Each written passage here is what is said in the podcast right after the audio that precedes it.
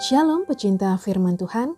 Saat ini Anda sedang mendengarkan renungan harian Diaspora Sejahtera Batu. Pembacaan Alkitab hari ini terambil dari kitab Keluaran pasal 18 ayat 1 sampai 12. Yitro mengunjungi Musa. Kedengaranlah kepada Yitro, imam di Midian, mertua Musa, segala yang dilakukan Allah kepada Musa dan kepada Israel umatnya, yakni bahwa Tuhan telah membawa orang Israel keluar dari Mesir. Lalu Yitro mertua Musa membawa serta Sipora istri Musa yang dahulu disuruh Musa pulang, dan kedua anak laki-laki Sipora, yang seorang bernama Gersom, sebab kata Musa, Aku telah menjadi seorang pendatang di negeri asing, dan yang seorang lagi bernama Eliezer, sebab katanya, Allah Bapakku adalah penolongku, dan telah menyelamatkan aku dari pedang Firaun. Ketika Yitro, mertua Musa, beserta anak-anak dan istri Musa sampai kepadanya di padang gurun, tempat ia berkemah dekat gunung Allah, disuruhnyalah mengatakan kepada Musa, Aku mertuamu Yitro, datang kepadamu, membawa istrimu beserta kedua anaknya. Lalu keluarlah Musa menyongsong mertuanya itu. Sujudlah ia kepadanya dan menciumnya. Mereka menanyakan keselamatan masing-masing, lalu masuk ke dalam kemah. Sesudah itu Musa menceritakan kepada mertuanya segala yang dilakukan Tuhan kepada Firaun dan kepada orang Mesir karena Israel dan segala kesusahan yang mereka alami di jalan dan bagaimana Tuhan menyelamatkan mereka. Bersukacitalah Yitro tentang segala kebaikan yang dilakukan Tuhan kepada orang Israel, bahwa ia telah menyelamatkan mereka dari tangan orang Mesir. Lalu kata Yitro, Terpujilah Tuhan yang telah menyelamatkan kamu dari tangan orang Mesir dan dari tangan Firaun.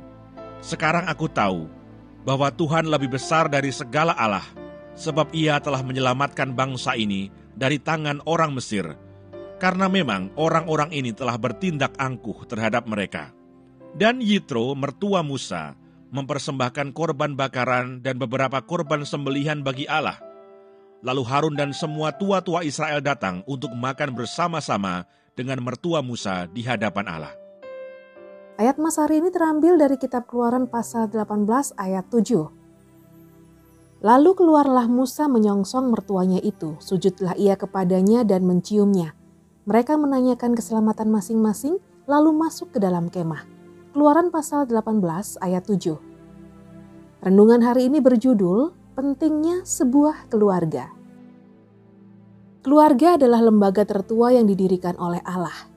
Melalui keluarga, Allah hendak menjalankan programnya sehingga bumi dapat terawat dengan baik dan karakter ilahi terlahir dalam keluarga.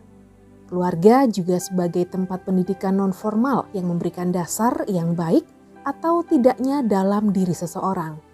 Musa memiliki seorang istri bernama Sipora dan dua orang putra yaitu Gersom dan Eliezer.